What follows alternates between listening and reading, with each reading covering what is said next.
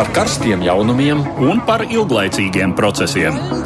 Par idejām, par cilvēkiem, par naudu un par laiku. Par abām mūsu planētas puslodēm, un lietojot abas smadzeņu puslodes. Ēterā raidījums divas puslodes. Jau gadu šajā laikā ik ceturtdienas skan raidījums divas puslodes, kurā runājam par aktuālāko pasaules politikā. Šeit studijā esam mēs, Edvards Liniņš un Aits Tomsons, un mēs šodien plašāk pievērsīsimies šādiem trim tematiem. Igaunijā nedēļas nogalē būs parlamenta vēlēšanas. Kāda ir politiskā situācija tur? Kas satrauc mūsu kaimiņus un par ko viņi būtu gatavi balsot? Valstu profila apskatā šoreiz runāsim par mūsu tuvākajiem ziemeļu kaimiņiem. Moldovā gan vēlēšanas jau bija, taču tur situācija pēc tām ir izveidojusies sarežģīta. Ir trīs līdzvērtīgas frakcijas, kuras līdz šim nav paudušas kādu gatavību sadarboties. Kāpēc tā un ko tas nozīmē Moldovas nākotnē? Tikmēr pasaules mēdīji pēdējās pāris dienās lielāko uzmanību veltījuši ASV prezidenta Donalda Trumpa un Ziemeļkorejas līdera Kima Čenuna otrajai tikšanās reizei, kas šoreiz notika Vietnamā. Kādus secinājumus varam izdarīt pēc šī samita? Klausītāji, kas lieto Twitteri, ir lūgti tuvākajās minūtēs atbildēt uz jautājumu vēl, vai jūs sekojat līdz vēlēšanām Igaunijā. Nu, dariet to kādas 5 minūtes apmēram tā. Twitter jautājumu varat atrast Latvijas radio viens kontā, tātad Twitterī Latvijas radio viens, un kā jau parasti gaidām komentārus arī mājaslapā.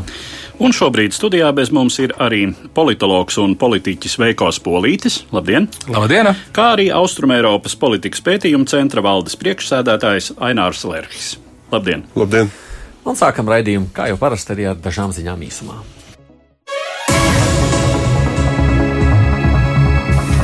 Katru dienu ziņas no Pakistānas un Indijas ir ar vienu satraucošākas. Lai gan abu valstu pārstāvji ir uzsvēruši, ka nevēlas karu, tomēr spriedze nu ir pieaugusi līdz ļoti bīstamam līmenim. Pakistāna arī ir slēgusi savu gaisa telpu, savukārt Indija slēgusi vismaz sešas lidostas. Lēmums pieņemts pēc lidmašīnu notriekšanas virs Kašmīras. Pakistānas armija ziņoja, ka tā savā gaisa telpā ir notriekusi divas Indijas gaisa spēku lidmašīnas. Indija savukārt pavēstījusi, ka tā ir notriekusi Pakistānas iznīcinātāju, kas nogāzies Pakistānas robežas pusē un zaudējusi vienu savu lidmašīnu. Gaisa satiksmē starp Āziju un Eiropu atcelt ir visi avio reisi, lidmašīnas, kas parasti lidot pāri Kašmīru, ir novirzītas pār citiem maršrutiem. Tikmēr kaujas lidmašīnas jau nereiz vien ielidojuši ir otras valsts teritorijā, bet robežas tūmā esošie ciemati tiek evakuēti. Arvien reālāk kļūst iespēja, ka marta beigās Lielbritānija Eiropas Savienību nepametīs, un vispār pieaugs iespēja, ka tā nepametīs to vispār. Lielbritānijas parlaments ir atbalstījis premjerministras Terēzes Meijas piedāvājumu, ka gadījumā, ja parlaments atkal noraidīs viņas panākto vienošanos par izstāšanos no Eiropas Savienības, tad likumdevējiem būs iespēja balsot par bezvienošanās Brexit. Un, ja arī tas tiks noraidīts, tad balsojums būs par Brexit atlikšanu. Šie balsojumi notiks pēc apmēram divām nedēļām. Tikmēr opozīcijā esošie leiboristi beidzot ir nolēmuši mainīt savu taktiku un iestāties par otro referendumu. Tādā gadījumā izstāšanās no Eiropas Savienības varētu nenotikt vispār. Tiesa skaidrības, kā tieši notikumi risināsies tālāk, šobrīd nav, un eksperti pieļauj dažādu notikumu attīstību. Tuvākajā laikā ir gaidāmas vēlēšanas vairākās valstīs, kurām arī mēs joprojām ar interesi sekojam līdzi. Viena no tām ir Ukraina. Tur pašreizējais prezidents Petro Porošenko iekūlies skandālā saistībā ar kontrabandu no Krievijas. Pētnieciskā žurnālistikas portāls Bihus Info ziņoja, ka Porošenko pats nav bijis iesaistīts kontrabandas schēmā, bet pievērsis uz to acis, lai aizsargātu savu sabiedroto Nacionālās drošības un aizsardzības padomus sekretāru vietnieku Oļegu Glatkovski. Viņš un viņa dēls esat ieveduši no Krievijas militāro aprīkojumu un par augstu cenu pārdevuši to tālāk aizsardzības jomas uzņēmumiem, kas pieder Ukraiņas valstī. Šobrīd sākta izmeklēšana, bet skandāls var ietekmēt vēlētāju noskaņojumu. Vēlēšanas Ukrainā ir paredzētas 31. martā, un sabiedriskās domas aptaujās pagaidām vadībā izvirzījies ir komiķis Volodimirs Zeļenskis, apsteidzot Porošenko un arī bijušo Ukraiņas premjerministru Juliju Timošenko. Pirmsvēlēšana kaislības valda arī Slovākijā. Tur vadošais opozīcijas kandidāts uz prezidenta amatu Roberts Mistriks šonadēļ izstājās no cīņas, lai tādējādi konsolidētu pretvaldošo partijas smeru noskaņotos vēlētājus. Atceramies, Slovākijā politikas atricināja žurnālistu un viņa līgavu slepkavību. Pēc masu protestiem nācās atkāpties premjerministram, taču viņa vadītās partijas kandidāts Marošs Šefčovičs pagaidām ir nedaudz populārāks par pārējiem kandidātiem. Galvenais sāncensis Šefčovičam bija zinātnieks un uzņēmējs Roberts Mistriks, taču viņš izstājās no sacensības, aicinot balsot par otru opozicionāru Zuzanu Čaputovu, kuru atbalsta citas opozīcijas partijas. Čaputova ir apņēmusies stiprināt attiecības ar pārējo Eiropu un neļaut valsts pārņemt eiroskepticismu vilnim. Un vēl kāda cita rakstura ziņa. Pēdējās dienās Rietumē Eiropā ir pārspēta lielākā daļa februāra siltumu rekordu, turklāt tiek fiksēta ar vien jauni rekordi. Nīderlandes meteoroloģijas institūts norādījis, ka varbūtība sagaidīt šādu siltumu vilni, kāds tagad ir pašreizajā klimatā, esot mazāk par 2%. Bet pirms gadsimta tik augsts gaisa temperatūras februārī vispār nebija iespējams. Nīderlandē ir vairāk kārt labots februāra un visas ziemas siltuma rekords. Maksimālā gaisa temperatūra otrdien sasniedz teju plus 20 grādus. Līdzīga situācija ir Anglijā, kur otrdien bija plus 21,2 grādi plusā. Tāda pat temperatūra ir Vācijā, bet Francijā un Spānijā vietām sasniegt pat 25 un 27 grādi.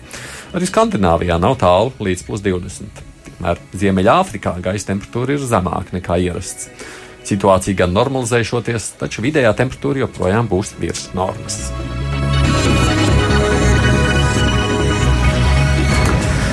Bet nu pievēršamies sākumā minētajiem tematiem, un vispirms mūsu uzmanības lokā būs tuvākie kaimiņi - Igauni. Teju visu laikposms kopš gadsimtu mijas Igaunijas politikā pagājis liberālās un izteikti pro-eiropeiskās reformu partijas dominantē. Pirmo reizi ieguvusi vietas Rīga Kogu jeb valsts sanāksmē 1995. gadā, šī partija kopš 99. gada neiztrūkstoši bija valdības koalīcijā, bet no 2005. līdz 2016. gadam šīs partijas pārstāvi nemainīgi ieņēma premjera posteni. Teju deviņus gadus Igaunijas valdības priekšgalā sabija tagadējais Eirokomisārs vienotā digitālā tirgus jautājumos Andrus Ansips. Kā zināms, tas Igaunijai bija nozīmīgs attīstības posms ar iestāšanos Eiropas Savienībā, eiro ieviešanu un nepārprotam izvirzīšanos līderpozīcijās Baltijā sociāla-ekonomiskās attīstības ziņā. Valdības koalīcijās reforma partija iesaistīja gan labējākas, gan kreisākas ievirzes partnerus. Šis veiksmes stāsts aprāvās 2016. gada novembrī, kad mazākie koalīcijas partneri - Sociāldemokrātiskā partija un Konservatīvā partija apvienība Tēvzeme pievienojās opozīcijai neusticības balsojumā reformu partijas premjera Tāvi Reivasa valdībai. Reformu partijai tika pārmesta stagnējoša politika, kas nerada valstī attīstības perspektīvu. Par jaunās koalīcijas līderi kļuva līdz tam nozīmīgākais opozīcijas spēks - centra partija ar premjeru Jiri Ratasu. Centra partijas politiskā ievirze tiek raksturota kā sociāli liberāla un centriska ar zināmu populismu elementu. Nu jau ilglaicīgi tā piesaistījusi lielāko daļu Igaunijas krievalodīgā elektorāta. Pirms 2016. gada Centra partija pēdējo reizi valdošajā koalīcijā darbojās pirmajā Andrus Ansipa kabinetā no 2003. līdz 2005. gadam. Pirms 3. martā paredzētajām Rīgas kogu vēlēšanām abu Igaunijas politikas smagsvaru reformas partijas un centra partijas pozīcijas šķiet gan stabilas, un kā viena, tā otra partija var cerēt uz aptuveni trešdaļu vietu parlamentā. Jaunās valdības izveidas sakarā nozīmīgāks ir jautājums par mazāko koalīcijas partiju rezultātiem. Krievu izcelsmes politiķa Jevgeņija Osinovska vadītajiem sociāldemokrātiem daļu balsu var atņemt gan centra partija, gan 2018. gadā dibinātā sociālliberālā partija Igaunija. 200. Savukārt labajā flangā tēvzemiešus visai pamatīgi pastūmus malā Nacionalistiskā konservatīvā tautas partija ar bijušo diplomātu Martu Helmi priekšgalā, kas visdrīzāk iegūs trešo lielāko frakciju jaunajā parlamentā. Veidojot nākamo koalīciju, dialogs ar labējiem spēkiem labāk varētu vesties reformu partijai. Visumā iespējams šķiet arī reformistu un centristu veidota valdība, lai gan reformu partijas līderi Kāja Kallase jau norādījusi, ka reformu partijai nav pieņemams atsevišķs centra partijas nostādnes par ienākumu nodokļu progresivitāti, pilsonības pātrinātu iegūšanu un pakāpeniskāku skolu pārēju uz mācībām igauņu valodā.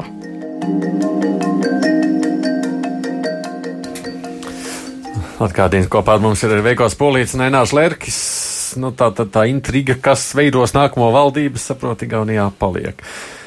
Ko mēs vispār zinām, kas šobrīd vairāk interesē un satrauc mūsu kaimiņus? Kas ir tie karstākie temati šajā priekšvēlēšana laikā? Nu, to jau tikko žurnālisti jau nosauca. Tātad tas ir atšķirības eh, nodokļu likmēs un nodokļu progresivitāte. Atšķirībā no Latvijas, kur nodokļu reformu veicām 2017. gadā un ieviesām progresivitāti Igaunijā, viņi joprojām ir tabūtēm. Un sevišķi reformu partijai, kur tas ir kļuvis gandrīz vai kā par ideoloģisku uh, doktrīnas jautājumu, kur lielākās atšķirības, lai veidotos lielā koalīcija. Tad, protams, skola pārējai uz igauņu valodu, ko arī mēs esam izdarījuši un ko igauņi vēl nav izdarījuši. Līdz ar to tas ir divu liberālu partiju, aiz, neaizmirsīsim, gan centra partija, gan reforma partija, abas ir Aldas loceklis Eiropa parlamentā. Tā kā šajā gadījumā ir atšķirības un, protams, tad ir jautājums gan par imigrāciju, kur līdzīgi Latvijas parlamentā notiekošajam arī balsoja pret migrācijas paktu, kas ir radījis šo te populistisko ekrē uzvaras gājienu. Un uh, Latvijas klausītājiem, lai tas kļūtu saprotams, tad Igaunijas ekre, jeb konservatīvā tautas partija, ir nu, Latvijas mērogos teikt zaļo zemnieku un KPLV uh, mistrojums. Uh, tas ir tas, kādā veidā veidā. Jo, jo, jo, ne, nu, jo, jo tautas partija Igaunijas politikā bija, pateicoties korupcijas skandāliem, viņi zaudēja vēlētāju uzticību, mhm. bijušā prezidenta uh, Arnolda Rütela partija, un uh, tad konservatīvajiem veidojot uh, vēlēšanu Um, sarakstu. Četri gadi atpakaļ viņi atkal atguva uh, uzticību un šobrīd pēdējo četru gadu laikā, izmantojot tās pašas metodas, ko citi populisti Eiropā un ko Trumps, uh, viņi ir nodrošinājuši stabilu piekdaļu vēlētāju atbalstu mm. Igaunijas politikā šobrīd. Enāri, ko piebilst? Nu jā, nu, dažādas socioloģiskās aptaujas uh, Igaunijā, nu, faktiski pirms vēlēšanām, nu, var jau, protams, uz vienu vai otru pusi reāli pēc tam viss mainīties, bet, nu, apmēram izskatās tā, ka jā, partijas, kas varētu dabūt varbūt balss skaita ziņā pirmās divas vietas, tātad reforma partija, centra partija. Tātad, no ekrai, ja nemaldos, tad pašlaik kaut kur faktiski prognozē kādu trešo, trešo e, vietu, jā, ar viņu nostāju tādu eiroskepticismu, eiroskepsi, ja, kā jau šeit minēja arī, teiksim, migrācijas jautājums un, un e, populisms, tā teikt, raksturīgs, jā, nu, un, teiksim, arī. E, Bet Igauniem jau, nu, kā tā migrācija, interese. viņiem taču nav tik liels tas migrācijas. Drusku vairāk kā mums. No, nu, Drusku vairāk, nu, kas tas ir? Nu, jā, un tad, tad interesanti varbūt ir tas, ka ekre ir deklarējusi, ka nu, faktiski viņiem ne īpaši patīk teiksim, tas Real Baltica projekts arī teiksim, tā. Nu, vēl acīm redzot, kādas partijas varētu iekļūt, jā, tātad šie nu, sociāldemokrāti, Tēvzeme un Igaunija 200, jā, tas jau ar skatu būtībā uz robežas, jā, nu, tas, Igaunija 200, tā kā, nu, tas, tā kā, ja nemaldos, ir piesaistīts, ka jau būtu kādreiz nākotnē ar skatu uz Igaunijas 200 jubileju, ja, bet nu, tas vēl stipri patālu. Ja, un uzskata, ka varbūt teiksim, 5 vai 6 partijas varētu teiksim, šo 5% barjeru pārkāpt. Tas jā, bet, nu, ja mēs skatāmies, nu kā, ir jau tā viena lieta, ko prasa vēlētājs, kas viņu uztrauc, otra lieta, ko partijas stulē, stelē ārā kā tādu galveno, nu, savu to saukli. Nu, migrācija ir, man liekas, tāds partija vairāk uzlikts. Es nezinu, vai viņš ir vēlētājiem aktuāls šajā nu, brīdī. Tikpat daudz, cik Latvijā. Es jau domāju, ka arī mūsu saimas, manuprāt, padīvainais balsojums par, par apvienoto nāciju migrācijas uh, paktu. paktu uh, lielā mērā tāpat tāpēc, ka ir priekšstats par zināmu noskaņojumu sabiedrībā. Nu, un Igaunijā šī te uh, salīdzinoši radikālākā labējā uh, konservatīvā tautas partija uh, profitē tieši no šādiem noskaņojumiem. Hmm. Uh, tā kā, un, un tur arī diskusija centrā ir šis pats apvienoto nāciju pakts, uh, lai gan uh, racionāli iemesla tam nav. Tur ir vairāk eh, šie emocionālie motīvi, kā pasaule mūs vēlas pārpludināt, eh, pie kam Igaunijas gadījumā, eh, teiksim, satraukumam varbūt ir pat mazāk iemeslu nekā Latvijas gadījumā, jo no Igaunijas pēdējās desmitgadēs ir bijusi mazāka migrācija nekā no Latvijas, pateicoties viņu valdību, nu, teiksim, sakarīgākai politikai, dinamiskākai, stabilākai ekonomiskai attīstībai.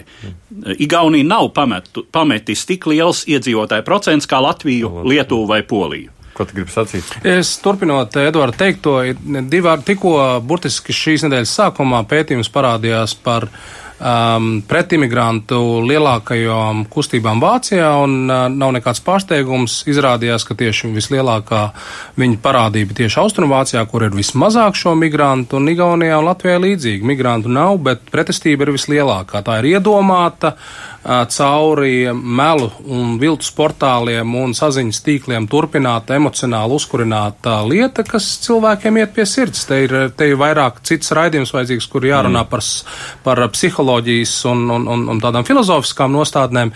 Bet, Tad, viņam tā migrācijas tēma ir vēl karstāka nekā Latvijā. Vēsturiski, absolūti, vēsturiski šis priekšstats un, un šī um, politiskās psiholoģijas schēma ka no svešajiem baidās visvairāk tur, kur viņi ir vismazāk. Nu, tā ir klišejiska.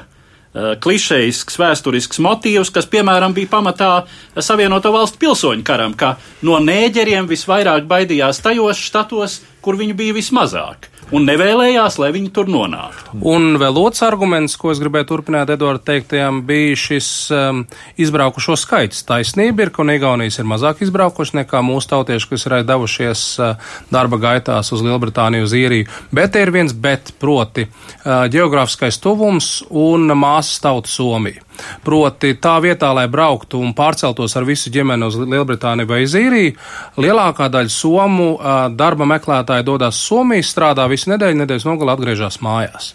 Un tas ir tas, kāpēc patiesībā, ko es teicu par ekra vēlētāju, kas ir tāds KPLV un zaļo zemnieku krustojums, ir tas, ka viņi redz šīs te imigrācijas sekas Somijā, kas arī nav nekādas lielas, bet Tur tieši tāpatās perussomalizēdi, ja patiesie somi ir strādā un viņi ar viņiem tiekās ar vienkāršiem iedzīvotājiem un viņi uzkurinās Somijā, atbrauc mājā un izlaiž tvaiku, tā sakot. Un līdz ar to šā radikalizācija notiek pāri somu līcim un uh, redzot iespēju strādājot Somijā, bet atgriežoties Igaunijā, baudot visus tos labumus, bet ir iespēja izlaist tvaiku par iedomātu ienaidnieku. Nu jā, un vēl jau vairāk, teiksim, vienam Igaunim, kurš dodas uz Somiju strādāt, potenciāli imigranti Somijā ir konkurenti Somijas darba mm. tirgu. Un Somijā, protams, imigranti ir diezgan daudz, un tur, tur šīs problēmas vairāk, ir nesalīdzinām lielākas. Nu, kaut vai tas fakts, ka starp uh, mūsu pagājušā raidījuma apspriestajiem astoņiem simtiem iespējamo um, šī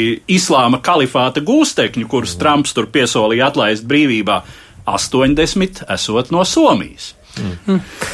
Nu, labi, otrs temats ir, saprot, jā, valoda. Nu, tas ir saprotams temats, vai ne? Mums jau pazīstamāks. Nu, jā, teiksim, uh tīpaši runājot par valodu mācīšanu skolās, jā, tad, tad ir, protams, tāpat ekre uzskata, ka nu, pilnībā, nu, respektīvi, vajadzētu tikai, tikai igauņu valodā būt, būt, būt skolām un Kohtlā Jarvē un, un, un, un Tallinā. Tur, teiksim, ir bijis arī, ja nemaldos, tad ir ziņas par to, ka ir arī tur skolotāji agrāk arī pārbaudīti, kā saka, un, un, un tam līdzīgi, vai ne? Un ka un faktiski arī diezgan diezgan, diezgan radikāli uh, runājuši ir šīs partijas, šīs partijas pārstāvji un izceļot būtībā sabiedrības tādu no nu, šķelšanas varbūt jautājumu, ja nu, būtībā runājot par tādām uh, sāpīgām, sāpīgām uh, lietām. Katrā, nu, katrā ziņā, teiksim, tajās, īpaši tajās vairāk krievalodīgajās pilsētās, pierobežas Narvā un Kohtlējārvē un tā tālāk šis jautājums tiek, tiek attiecībā uz šīm pilsētām cilāts. Ja? Nu, šeit atkal ir diskusija, protams, ar, ar, ar, ar soci, sociāl, sociāldemokrātiem, ar Krievu politiķi priekšgalā vai nekur atkal uzskata, ka ir vajadzīgs nu, visiem Igaunijā dzimušiem bērniem, tad automātiski ir jā jādod, jādod, jādod pilsonība. Nu, faktiski nu, šeit Un vēl es gribēju par tā migrācijas jautājumu pabeigt, mm -hmm. pie, piebilst, ne, ka tomēr ir diezgan daudz austrumu Eiropā, un es domāju, ka Igaunija un uh, nav arī izņēmums, ja, uh, it īpaši, teiksim, ietekmējoties varbūt no dažādām uh, fotogrāfijām un uh, īsfilmiņām uh, sociālos tīklos, vai ne, ka ir uzskats, ka uh, to, ko tās kļūdas, ko ir izdarījuši Rietumu Eiropieši, ja, Austrumu Eiropai vēl ir iespēja nepieļaut, ja, un līdz ar to arī, teiksim, šādā, šādā kontekstā vai šādā diskursā, teiksim, notiek šīs, šīs diskusijas. Tik daudz, ka ja viņiem mazāk aizbrauc, viņiem varbūt ir mazāk arī tas risks uz to spiedienu nepieciešamību ievest darba spēku nekā mums, vai ne? Tas tā varētu būt. Nu jā, bet- darba spēka jautājums tur nav tik aktuāls, kā mēs te sākam. Es domāju, šobrīd. ka šis jautājums, jautājums varētu būt par laiku, par to, cik ātrā vai cik, cik drīzā vai, vai netik drīzā laikā šī problēma iestāsies vienā, otrajā un trešajā Baltijas valstī. Latvija šai ziņā ir viss nepārprotam neizdevīgākajā situācijā ar samērā mazu iedzīvotāju skaitu un, un lielu Teritoriju. Lie, jā, un lielu izbraukušo skaitu. Lietuva, pateicoties salīdzinoši lielākam iedzīvotāju skaitam, ir mazliet labākā situācijā. Igaunija arī mazliet labākā situācijā, bet es domāju, ka, ja Latvijā mēs runājam, ka šī problēma ir aktuāla jau šobrīd, eh, Rīgas reģionā pilnīgi nepārprotami. Mm tad nu, Igaunijā tas var iestāties kādu Mazliet piecu jālāk. gadu perspektīvā. Nākošajās vēlēšanās. Ne, nu, šī problēma Igaunijā jau pastāv. Man ļoti labi paziņas eh, jau ir, eh, viņiem ir lētāk dabūt eh, celtniekus no Somijas nekā no Igaunijas, jo Igaunijas celtnieki ir vai nu Somijā, vai Anglijā, vai Zviedrijā. Tā kā šī realitāte jau ir arī Igaunijā. Tā kā nekur atšķirīgi daudz mēs neesam. Par lietu vēl mums savukārt arī runās. Ir viens ieraksts, mums ir Igaunijas sabiedriskā mediju redaktors Dario Kavegans bija sazvanīts, man kolēģi jau ar viņu sazvanījās par to, kāda izskatās tā politiskā situācija, kas zīmējās prognozēs. Klausāmies ierakstu. Both of the major parties have uh, talked about the centre party. Uh, there have been people in the centre party as well who have. Lielākā daļa partiju ir runājušas par lielo koalīciju, arī centra partijā, kur cilvēki par to patiesībā ir diezgan optimistiski noskaņoti. Reforma partijas priekšsēdētāja Kaja Kallas pirms pāris dienām sacīja, ka viņas prāt ir tikai trīs nopietnas pretrunas abu partiju starpā, kur varētu būt sarežģīti rast kompromisu. Pirmkārt, tie ir nodokļi. Reforma partija vēlas atgriezt 500 eiro neapliekumu minimumu visiem. Tāpat viņi nevēlas redzēt izmaiņas pilsonības politikā. Savukārt, centra partijai ir notikušas diskusijas par iespējamu naturalizācijas atvieglošanu Igaunijas nepilsoņu bērniem. Vēl reformas partija uzstāja uz igauņu valodu kā mācību valodu jauno bērnu dārzu. Izņemot šos trīs jautājumus, viss ir vērtējams un diskutējams. Tā sacīja pati Kaja Kallas. Un abas partijas spēja strādāt kopā. Pirms 17 gadiem tās abas bija valdībā. Ir arī veiksmīgi piemēri pašvaldībās, piemēram, Tartu. Tāpēc nav tā, ka ilglaicīga koalīcija starp abām partijām ir kas neiespējams. Arī daudz politologu atbalsta šo lielo koalīciju, un nesen veikta aptauja lielā koalīcija bija vispopulārākā vēlētāja izvēle. And in a survey done by one of the dailies here in early February, this was the most popular option as well. Not after the last two years, no, because basically Jāsaka, ka vēlētāju aptauju rezultāti nav pārsteidzoši ne pēc šiem diviem gadiem. Jo kas notika? Juri Ratos nomainīja Edgars Savisāru, kurš principā bija centra partijas postpadomi Dons, un kopš tā laika partija ir mainījusies. Viņi ir izdarījuši savus mājas darbus. Viņi ir centušies izmest korupcijā apvainotus politiķus, tā teikt, iztīrījuši māju. Bet pats galvenais, viņi ir pierādījuši, ka valdība var funkcionēt arī bez reformu partijas. Viņi ir pierādījuši sevi kā partiju, uz kuru var paļauties, kur var strādāt valdības līmenī. Šādā ziņā lietas ir pamatīgi mainījušās, salīdzinot ar 2015. gada vēlēšanām. So things have changed quite substantially, actually. The situation is a very different one compared to the 2015 election. But yeah, I mean, overall, what is interesting to see is despite Kas ir interesanti šajās vēlēšanās, ka par spīti lielajām atbalstam populistu partijām, galēji labējo pārstāvju skaits jaunajā parlamentā īpaši nemainīsies. Populistiem ir tāda problēma, ka viņi ir relatīvi jauni spēki, bet Igaunijas vēlēšanu sistēma balstās uz to, ka cilvēki izvēlas konkrētus kandidātus un ar šo kandidātu tad vēlētāji izvēlas arī sarakstu. Tas nozīmē, ka partijai, kurai slikti iet aptaujās, var iet relatīvi labāk pašās vēlēšanās, jo tām ir labi kandidāti, bet tādas partijas kā konservatīvā tautas partija, jeb EKRE, kurai dažbrīd bija pat 20% vēlētāju atbalsts aptaujās, varētu saņemt tikai 15 mandātus, jo viņiem vēl nav tik pazīstama seju visos vēlēšana apgabalos. Kopumā EKRE ir iegūst lielāku atbalstu, bet ir ļoti maz iespēja, ka viņi varētu strādāt nākamajā valdībā. there's no chance or a very slim chance that they'll be in the next government. Nu, Tāda arī jau Kavigans. Mēs te, kamēr klausījāmies intervijā, sākām runāt par to, ka tā situācija starp Lat Latviju un Igauniju tomēr atšķiras. Kā es teicu, ar saskaņu neviens negrib sadarboties. Man liekas, vai pēdējā laikā mazinās tā interese. Jā, mēs Igaunijā redzam, tas tā nav. mēs redzam, ka motīvi eh, politikā ir līdzīgi. Eh, Tēmas ir līdzīgas, bet eh, tā galvenā atšķirība ir tā, ka Igaunijā nav tādas lielas partijas, kura pr pretendētu pārstāvēt primāri uh, Igaunijas krievvalodīgos. Bet mēs tajā pašā laikā, tajā pašā laikā nu, centra partija un arī sociāldemokrāti pārstāv. Jā. Par tiem pamatā balso Igaunijas Krievi. krievalodīgie, bet acīm redzot, tomēr nevis ar to motīvu primāri, ka tā ir mūsu krievu partija. Acīm redzot, tur ir svarīgas arī citas vērtības. Jā, mēs redzam, ka viņi aizstāv krievvalodīgos. Uh, nu, teiksim, pārstāv šīs intereses, bet tajā pašā laikā šī interešu pārstāvība ir kaut kā daudz mazāk antagonizējoša starp uh, centra partiju Igaunijā un uh, pārējām partijām. Tā ka tiešām Jā. koalīcija starp liberāļiem, proti reformu partiju un centra partiju, un iespējams arī vēl citām līdz šim valdībā bijušajām partijām, ir daudz reālāka nekā Latvijā, kur, nu, protams, Jā, saskaņa, mums kā saskaņa- koalīcijas partners ir kaut kas Jā, neiedomājams. spitālīgais. Nu, ļoti īsi to, ko Edvards teica. Eh, Proti, Igaunijas eh, neigauņu kopienā ir bijusi veiksmīgāka politika pateicoties vienam referendumam 93. gadā, kur eh, pateicoties Eiropas padomes un Eiropas drošības darbības organizācijas spiedienam, Igauņi tomēr deva iespēju nepilsoņiem piedalīties vēlēšanā, pašvaldību vēlēšanās bez iespējām ievēlēties. Un tas viņus ir mācījis, tas viņus ir socializējis Igaunijas politiskajā kultūrā, bet tagad mēs nedrīkstam līdz ar to teikt, kā to Mamikins un Jāna Toma runā, ka mums uzreiz automātiski vajag arī to Latvijā.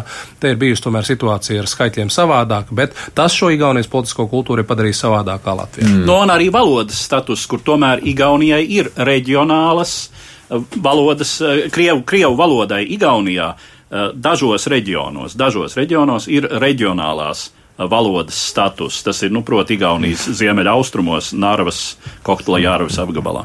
Tā, vēl ir par Igauniju, ko piebilst, ka kas tāds. Nu, jautājums ir vienmēr tas sakramentālais par to, ka Igaunijā jau labu laiku var vēlēt uh, elektroniski balsot. Jā. Jā. Teiksim tā, un, piemēram, uh, nu, Igaunijā šīs tradīcijas turpinās. Nu, ir, piemēram, informācija par to, ka līdz šim jau ir varēts balsot elektroniski, jā, un kaut kur 250 40%. Jā, kā sakat, nu, jā, Cik? šeit pat ir. Rekords, 40% vēlētāju. Jā, viena trešdaļa jau faktiski Jau jau ir vairāk, nobalsojuši. četri jau būtībā izmantojot uh, internetu. Jā, tā Visu kā rekords. neskatoties uz to, ka pastāv, protams, biedēšana ar to, ka varētu varbūt uh, kāda cita valsts ie- kaut ko mēģināt arī tur kaut ko balsot, jā, un, un uh, ietekmēt elektronisko balsošanu, jā, bet tomēr uh, jāatzīmē arī pašu vēlētāju uzticība, teiksim, savas valsts elektroniskajām sistēmām, jā, līdz ar to arī ir tik liela piedalīšanās balsojot elektroniski, un acīm redzot, uh, ir pamats cerēt, uh, ka līdz ar to arī vēlēšanās piedalījušos procents varētu būt Aktivitāte vismaz lielāka. aktivitāte lielāka, jā, nu, iespējams, ka apmēram 60% varētu būt, varbūt. Jā, Un, eh, teiksim, runājot arī par Igaunijas neigauņu elektorāta daļu, nu, laikam mums tomēr ir jāsaka, ka šis valsts zīmols, valsts tēls, kurā nozīmīga daļa ir arī Igaunijai kā e-republikai, ir mazliet ietekmīgāks, mazliet pievilcīgāks nekā Latvijai. Jā. Vienīgais, klausoties jūsos, es secināju, ka tādās tīri politiskās lietās mēs nemaz tik ļoti no viņiem atpalikuši neesam un vietā tieši otrādējam pa priekšu viņiem. Bet mēs par Igauniju runāsim arī nākamajā reizē, kad vēlēšanas būs jau notikušas, tad mēs lūkosim, kādi tie rezultāti. Bet tagad pievēršamies Moldovai. Tur arī vēlēšanas ir jau bijušas. 24. februārī notikušajās Moldovas Republikas parlamenta vēlēšanās deputāti pirmo reizi tika ievēlēti pēc jauktas sistēmas, gan no partiju sarakstiem, gan vienmandātu apgabalos. Pēc vēlēšanām trīs aptuveni līdzvērtīgas frakcijas parlamentā veido Socialistu partiju, Centriski liberālo partiju bloku Sakumu un Centriski kreisā demokrātiskā partija. Pēdējā bija vadošais spēks līdzinējā mazākuma valdībā, kurā bez demokrātu ministriem bija arī divu sīkpartiju pārstāvi, bet puse no ministriem bija bezparteiski. Abi mazākie demokrātu koalīcijas partneri šajās vēlēšanās palikuši ārpus parlamenta. Pirms vēlēšanām visi trīs nozīmīgākie spēki deklarēja, ka nav gatavi iesaistīties koalīcijā ar kādu no pārējiem. Moldovas Socialistiskā partija, kuru pārstāv arī valsts prezidents Igors Dodons, tiek asociēta ar Kremļa ietekmi šajā Krievijai strateģiski nozīmīgajā valstī. Bloks Akum, kuru veido partijas cīņas un taisnības platforma un Rīcības un solidaritātes partija, tiek uzlūkota kā galvenais eiropeisku orientētais spēks. Visumā pozitīvu nostāju pret Moldovas eiropeisku orientāciju pauž arī Demokrātiskā partija. Tomēr šī partija ne bez pamata tiek vainota valstī plaši zalošajā korupcijā. Partijas līderis par oligarhu dēvētais Vladimirs Plahotņuks kontrolē lielu daļu no Moldovas mēdījiem, kas priekšvēlēšanu kampaņā bez kauturības izmantoti konkurentu nomēlošanai. Tāpat akuma kandidāti pat apgalvojuši, ka tikuši indēti pēc varas norādījumiem. Ja 45 dienu laikā jaunievēlētajiem parlamentam neizdosies izveidot valdību, Moldova gaida atkārtotas vēlēšanas.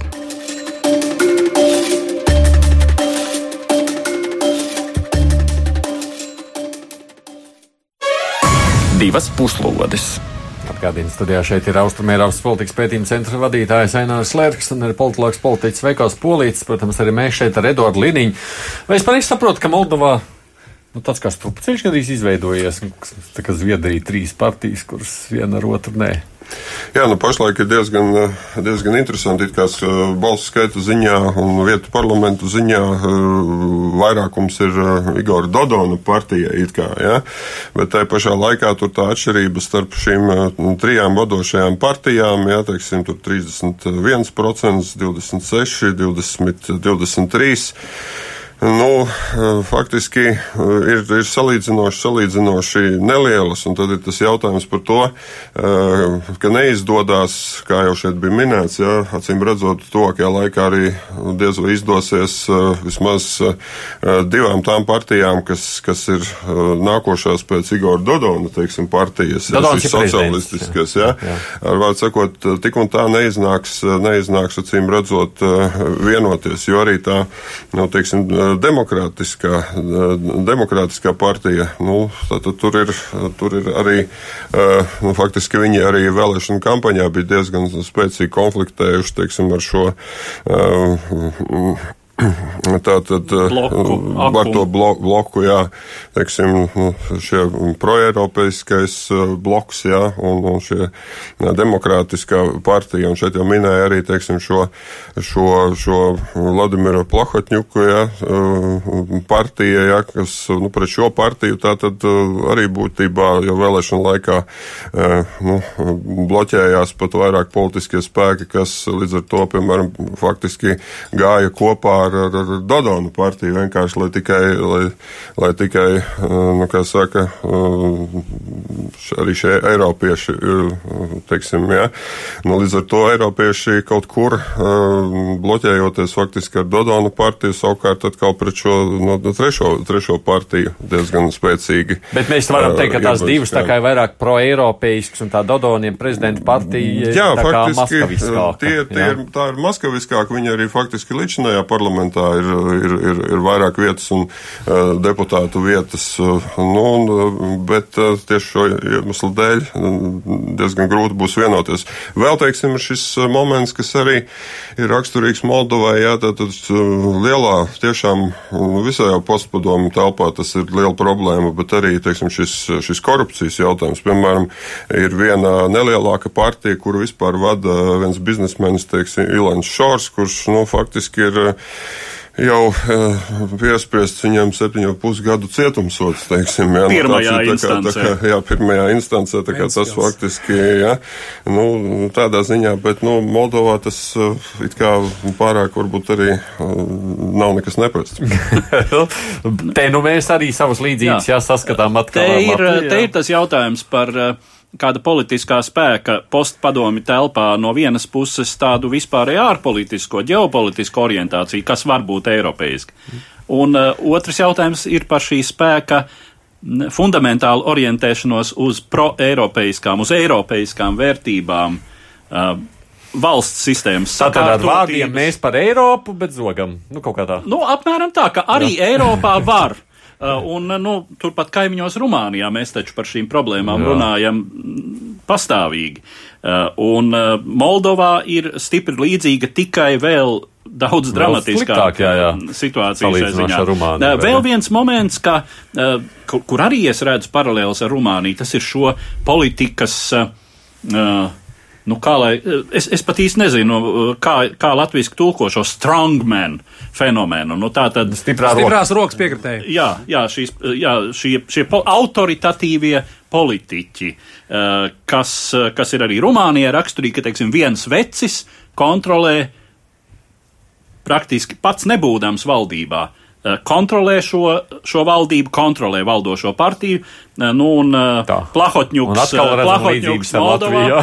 Nu, mums tas ir tomēr salīdzinoši daudz rudimentārāk. Mazliet mazāk, jā. Labi, Veiko. Jā, es domāju, tiešām es piekrītu Edvardam, ka eh, šeit tomēr eh, Osmaņu impērijas tradīcijas un vēl padomju uzslāņojums virsū ir tas, kas šos te autoritatīvos vai stingrās rokas piekritējus. Un nabadzība, salīdzinošā nabadzība, kurā tomēr neaizmirsīsim, Moldova ir eh, šī brīža Eiropas viena no nabadzīgākajām valstīm, kas, protams, šeit iezīmējas vēl divas lietas papildus kolēģi teiktajam. Ja mēs skatāmies uz šī brīža līdzdalību, tad šo vēlēšanu līdzdalību, kas notiks svētdien, tad tās ir visu laiku vismazāk apmeklētās.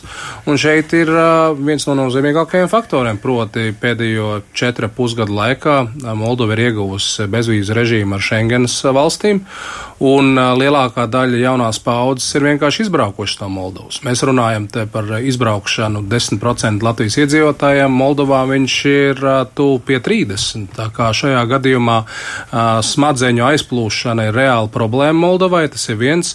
Līdz ar to pensionāru balsojums, un te vēl nāk otra lieta, kas Latvijā un Baltijas valstīs nekad nav bijusi kad šī ģeopolitiskā sadursme ir pateicoties tam, ka tu pie uh, pusmiljona Moldovas viestrādnieku strādā Krievijā par celtniekiem, par teiksim, gabaldarba darītājiem. Un līdz ar to ir sadursme. No vienas puses ir šie sociālisti ar Dodonu priekšgalā, kuri piedāvā, sakot, Krievija mums piedāvā darba tirgu un piedāvā noiet tirgu mūsu augļiem un dārzeņiem un vīnām. Vīnam, un tad no otras puses ir Eiropi, Eiropiskās vai proeiropiskās kustības pārstāvji saka, tomēr te ir drošības jautājumi, tie tomēr civilizācijas jautājumi, valodas un, teiksim, attīstības attīstības jautājumu, un tā ir reāla sadursme. Tā kā šajā gadījumā, protams, virsroku ņem šie, šīs oligarhiskās ģimenes, un to, ko Ainārs teica par Plahotņiku kungu un viņa partiju, viņš ir bijis tas, kas ir regulējis pēdējo 20 gadu laikā šo politiku, un viņam ir noteikti liela ietekme. Bet, nu, ja jūs jautājat man personisko viedokli, es uzskatu, ka šādi spēlēties ar politiku, kur sevišķi pēc jaun konstitūcijas labojumiem, kur 45 dienu laikā jāizveido valdība, nu, es šeit redzu tā, ka vai nu, vai nu tiešām parlamenta sastāvs mainās un viņi uh, veic impeachment procedūru pret Dodonu uh, no vienas puses, vai Dodons tomēr rīkojas neordināri un mēs varam redzēt saspīlējumu pateicoties vispār situācijai Moldovā kā tādā, un līdz ar to uh, būs dienas kārtība atkal jautājums par uh, dzīvotspēju, jo neaizmirsīsim, ka 40. gada jūnijā okupācija notika ne tikai Baltijas valstīs, bet arī Besarābijā, šodienas Moldovā, līdz ar to viņi ir atšķelti no Rumānijas un unifikācijas integrācijas ar Rumāniju kustība joprojām ir spēcīga un tikai pieaugs, ja Maskavas vilkme būs spēcīgāka Moldovā. Nu jā, un nedrīkst jau aizmirst Piedņestras problēmu. Nu jā, tas ar tur pakāpes izvietoto Krievijas kontingentu, kas no vienas puses ir faktiski ēnkurs, kas neļauj Moldāvi, Moldovai virzīties tuvāk Eiropas Savienībai un nedod Dievs NATO, potenciāls militārs konflikts, un arī, es domāju, rada uh, bailes sabiedrībā par to, ko var izdarīt Krievija, kas pirms 2014. gada Uh, varēja būt uh, drīzāk spekulācijas pēc 2014. gada un Ukrainas notikumiem, ir pilnīgi skaidrs, ka Krievija var Moldovā uzsākt kādu militāru avantūru. Es domāju, liela daļa Moldovas sabiedrības arī ar šīm bailēm ar, ar, ar šādu iespēju rēķinās un vienkārši baidās. Tas ir papildu arguments, negatīvs, bet papildu arguments šiem promaskaviskajiem spēkiem. Nu, un arī tas, ka Piedņestra kā neatzīts valstisks veidojums, visai problemātiski pārvaldīta valsts, kas ir kas tiek minēta kā viens no narkotiku tranzīta punktiem starp Eiropu un Āziju, kā vispār, kā ieroču kontrabandas vieta un tā tālāk un tā tālāk, tas destabilizē arī visu šo tiesisko situāciju zināmā mērā Moldovā. Mhm. Jā, nu, tātad, kā jau šeit bija minēts, Piedņestras jautājums, 12% Moldovas teritorijas ir faktiski okupēta. tātad okupēta. Jā.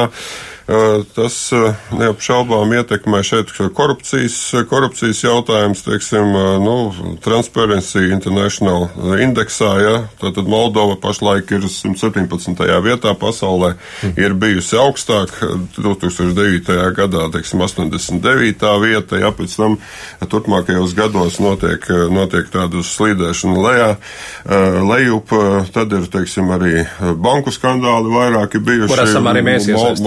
Moldovā, jā, teiksim, pēkšņi 2014. gadā pazuda vesels, vesels miljards dolāru, jā, trīs vadošās bankas uh, toreiz uh, pārtrauc savu uh, darbību, jā, mēģina tur no tā miljarda dolāru, kā saka, kaut ko dabūt, jā, bet dabū, protams, atgūst kaut ko ļoti, ļoti nedaudz, nu, kas attiecās uz, uz, teiksim, Krievijas, Krievijas iespējām. Tu, protams, Krievija seko situācijai un no vienas puses ir skaidrs, ka Dodona partija, ja, nu, apmēram tātad viņiem ir apmēram 30% balsu, ja. Līdz ar to, teiksim, daži analītiķi ir teikuši, ka kopumā parlamenta sastāvs eh, ir tāds, nu, pro-eiropeisks, ir cita problēma un varbūt zināmā mērā traģēdija, ja, ka šie pro-eiropeiskie nosacīti spēki, ja, eh, nevar savā starpā vienoties. Un, teiksim, šis oligarks, kas ir eh, minēts, ja, tā tad īstenībā varbūt viņš ar savu nostāju ietekmē ietekmējot politiķus, nu, no Maskavas viedokļa, acīm redzot, pat uh, zināmā mērā ir neizdevīgāka, neizdevīgākais variants nekā varbūt citas kombinācijas. Jā, nu, re, tā daudz mums, jā, droši vien mēs arī varētu daudz par to runāt, vēl ir daudz interesantu aspektu, bet uh, vēl mazliet jādodas arī tālāk no tik tuvām valstīm, par kurām runājuši, tāpēc, ka pasaules mediji šajās dienās nu, vislielāko uzmanību savukārt pievērsuši notiekošiem Vietnamā. Savienoto valstu prezidenta Donalda Trumpa tikšanos ar Ziemeļkorejas līderi Kimu Čenunu, kas vakar sākās Vietnamas galvaspilsētā Hanojā, pavada zināma skepse. Abu līderu pirmā tikšanās pagājušā gada jūnijā Singapūrā tika uzlūkota kā sasniegums pats par sevi, piedabūjot totalitārās valsts vadītāju sēsties pie sarunu galda. Tomēr, kā norāda eksperti, konkrēti Ziemeļkorejas kodolbruņošanās apturēšanā šīs tikšanās devusi visai maz. Hanojas samitā tad nu būtu jāpanāk kādi taustāmāki rezultāti, lai prezidenta Trumpa pozitīvajām izjūtām par dialogu ar biedru Kimu varētu pievienoties arī pārējā pasaules sabiedrība. Pagaidām kā sasniegums tiek atzīmēta Kima Čenuna piedalīšanās preses konferencē, improvizēt atbildot uz žurnālistu jautājumiem. Līdz šim ne viņš, ne viņa dinastiskie priekšgājēji Ziemeļkorejas varas virsotnē, vectēvs Kims Irsens un tēvs Kims Čenirs, nav atļaujušies šādas komunikācijas vaļības un piekrituši vienīgi intervijām vai atbildēm uz režīmu kontrolēto valsts mediju žurnālistu vaicājumiem. Preses konferencē jautāts par gatavību likvidēt Ziemeļkorejas kodola arsenālu. Kims izteica frāzi, kur iztulkota, ka, ja es to negribētu, tad nebūtu šeit ieradies. Tas izsaucis jūsmīgu prezidenta Trumpa reakciju. Telekanāla CNN tulkotājs gan vēlāk norādījis, ka Kima izteikums korejošu valodā varot nozīmēt, ja es negribētu, es šeit neierastos.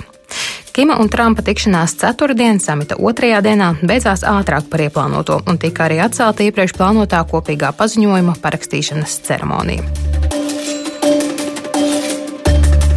Ko sakāt par vispār tām tikšanās jēgu un rezultātiem? Donalds un Kings bija vispār nozīme tur braukt. Nu, Trumpam noteikti bija nozīme. Jāpiebilst, ka šis komentārs tapa vakar vakarā, kad vēl nebija skaidrs, ka sarunas ir, laikam kolēģi man piekritīs, izgāzušās. Precīzi. Nu, tā tas netiek pasniegts. Tas nu, tiek pasniegts kā. Es, es atvainojos, bet. Mm, bet jūs varat pasniegt vai nepasniegt, bet še, skatoties, kādā veidā lielie masu mediji, CNN, NBC, ABC un tā tālāk, taisa no Če, Kima Čenuna kaut kādu noslēpumainu diktatoru, nu, piedodiet, viņš ir Šveicē, Larozē koledžā mācījies, visi to zina. Viņi zina, ka viņš runā angļu valodā, arī mazliet franču valodā. Viņš nav tik noslēgts kā viņa priekšgājēji. Tagad, te, protams, otra lieta ir šī tikšanās un kāpēc šī tikšanās. Un līdz ar to mans arguments ir tāds, ka tā kā Leninkuns teica, ka šī tikšanās ir bijusi izgāšanās, kas bija paredzama, un tam pamats ir ļoti vienkārša lieta. Tā ir 45. ASV administrācijas vadītāja politika. Viņam nav pat nozīmēts vēstnieks Seulā. Kā lai mēs veidojam kaut kādu politiku, ja nav vēstnieku, ja nav otrā un vidējā līmeņa ierēģņu, kuri tomēr veids tikšanās, kuri sarunā un beigās tikai, ja ir kaut kāda nespēja vienoties, tad jau līderi kaut ko beigās satiekoties mēģina notušēt, kā tas bija Reiganu un Gorbačovu, piemēram, bet lielākais darbs ir ierēdniecības zemākam līmenim. Ja ierēdniecības zemākais līmenis nestrādā, pateicoties 45. administrācijas vadītāja darba stilam pēdiņās, um, nu, tad tas rezultāts ir tāds, kāds viņš ir. Tā ir izgāšanās. Punkts. Mm. Līdz ar to vairāk arī prevalē tas, vienkārši varbūt kaut kādas sekundāras iezīmes, jā, jeb, jeb teic, teicieni, jeb to, ko žurnālisti pamana, jā, tur, kā tur, teiksim, Ziemeļkorejas vadītājs ir ieradies Hanojā ar vilcienu un tā tālāk, ja tas viss bieži vien rada tādu fonu, kas ir diezgan, teiksim, arī nenopietns. Otra lieta, kur varbūt zināmā mērā var saprast, jo, nu, preses pārstāvjiem tā patīk diezgan bieži, diezgan daudz sagaidīt no, no, no, no tikšanām augstākajā līmenī, un, un ka tas beigās nenotiek, ja tad ir atkal tāda vilšanās, bet ir jau pa daudz faktiski varbūt uzpūstas tās gaidas. Ja. Cita lieta ir tas, es piekrītu kolēģim, ja, ka nu, izskatās tā, ka Amerikas Savienoto valstu prezidents, viņš, man liekas, kā ir arī diezgan daudzi jau izteikušies, nu, viņš kaut kur ir pārņemts ar to ideju, ka viņš būs tas, kurš salabos attiecības daudzu gadu desmitu sliktās attiecības ar, ar Ziemeļ, Ziemeļkoreju. Ja. Tuviem un, austrumiem un vēl. Jā, teiksim, tā kā viņam viņš ir īstenībā lai gan viņš ir teicis vairāk savā priekšvēlēšana kampaņā arī par to, ka nu, Amerika prioritāra dažādos veidos un tā tālāk. Ja? Mēs redzam, ka teiksim, ar diezgan eh, daudziem šiem no Amerikas samērā tomēr geogrāfiski tālajiem reģioniem viņš ir pārņemts ar to, ka viņš dažādos reģionos varēs teiksim, izveidot labākas attiecības Amerikā. Ja? Un, un zināmā mērā kaut kur arī, protams, tas iedod toni, toni varbūt arī presē kura tieši, kā kolēģis minēja, jau tur varbūt ir arī mazāk zināms par to, ka šī darba tiešām, lai saskaņotu dažādas nianses, dokumentus, šī melnā darba, kas jāizdara diplomātiem, īstenībā, īstenībā nav. Hmm. Bet ko tas nozīmē, ja tā ir izgāšanās? Ko tas tālāk nozīmē? Ne, nu tas droši vien nozīmē, ka būs vēl viens samits. Uh, kurš atkal tiks pozicionēts kā nākamā lielā cerība. Uh, Te ir, viena, te ir viena tāda nianse, tas, kas ļoti aktuāli parādās šobrīd uh, Savienoto valstu medijos. Uh, tas ir šīs lietas ētiskais, tāds politiski ētiskais aspekts uh, par to, ka sēšanās pie sarunu galda ar diktatoriem, tas nav labi, tas nav pareizi. To var darīt tikai tad, ja tiešām šī tikšanās dod kaut kādus rezultātus. Vai ar kādu, šādā, vai ar bet, kādu Trumps vēl ticies, bet, vai tik div, divreiz? Nē, trīs ne? ir uh, Singapūras, Kima pirmā tikšanās, tad ir Helsinki diktators no Krievijas, un tad ir trešā ir tre, Kima otrā tikšanās. Tas tā tādā ziņā, bet no tā Kim, viņš ir divreiz 0,3 pilnīgi nekas nav iegūts. Nu jā, un, un bez tam, uh, nu vispār tiek, tiek runāts par to, nu cik tad uh, Donalds Trumps saprot, ar ko, viņiem, ar ko viņam ir darīšana šo. Mm. Uh, interesanto cilvēku personā, kurus viņš uh, labprāt, par, par, par, par kuriem viņš jūsmo. Nu, nenugluži jūsmo, nu, bet saka, ka attiecības jūsmo. ir labas un, Jā. un vispār man viņš kā cilvēks patīk. Jā. Nu, te bija tāds uh, ļoti konkrēts moments par to nelaimīgo uh, um, Savienoto valstu pilsoni, uh, kurš tika notiesāts Ziemeļkorejā uz 15 gadiem par mēģinājumu vai iespējamu mēģinājumu piesavināties kādu propagandas plakātu Plakāt, viesnīcā jā. un atgriezās Savienotās valstīs uh, faktiski nomirt, Mirt, jo bija cietumā sakropļots. Uh, un uh, tad no Trumps jautāts, konkrēti šīs tikšanās laikā preses konferencē teica kaut ko tādu, ka Kims nezināja personiski, eh, ka jā, tie cietumi ir briesmīgi, un to jau viņš atzīst, bet ka viņš personiski taču tā sacīt nedeva pavēli sist līdz nāvei to nabaga amerikāni, līdz sakropļošanai, vai nu diez vien zina, ko ar viņu tur darīja, tai Korejas cietumā, bet eh, nu, tas ir tik jāsaka naivi eh, no viena visietekmīgākās pasaules lielvalsts, visietekmīgākās demokrātiskās pasaules valsts vadītāji. Nu, teiksim, viens eh, politoloģijas students par kaut kādu šādu atbildi varētu norauties arī iz, iz, izkrišanu, izkrišanu ieskaitē, vai ne? Mm.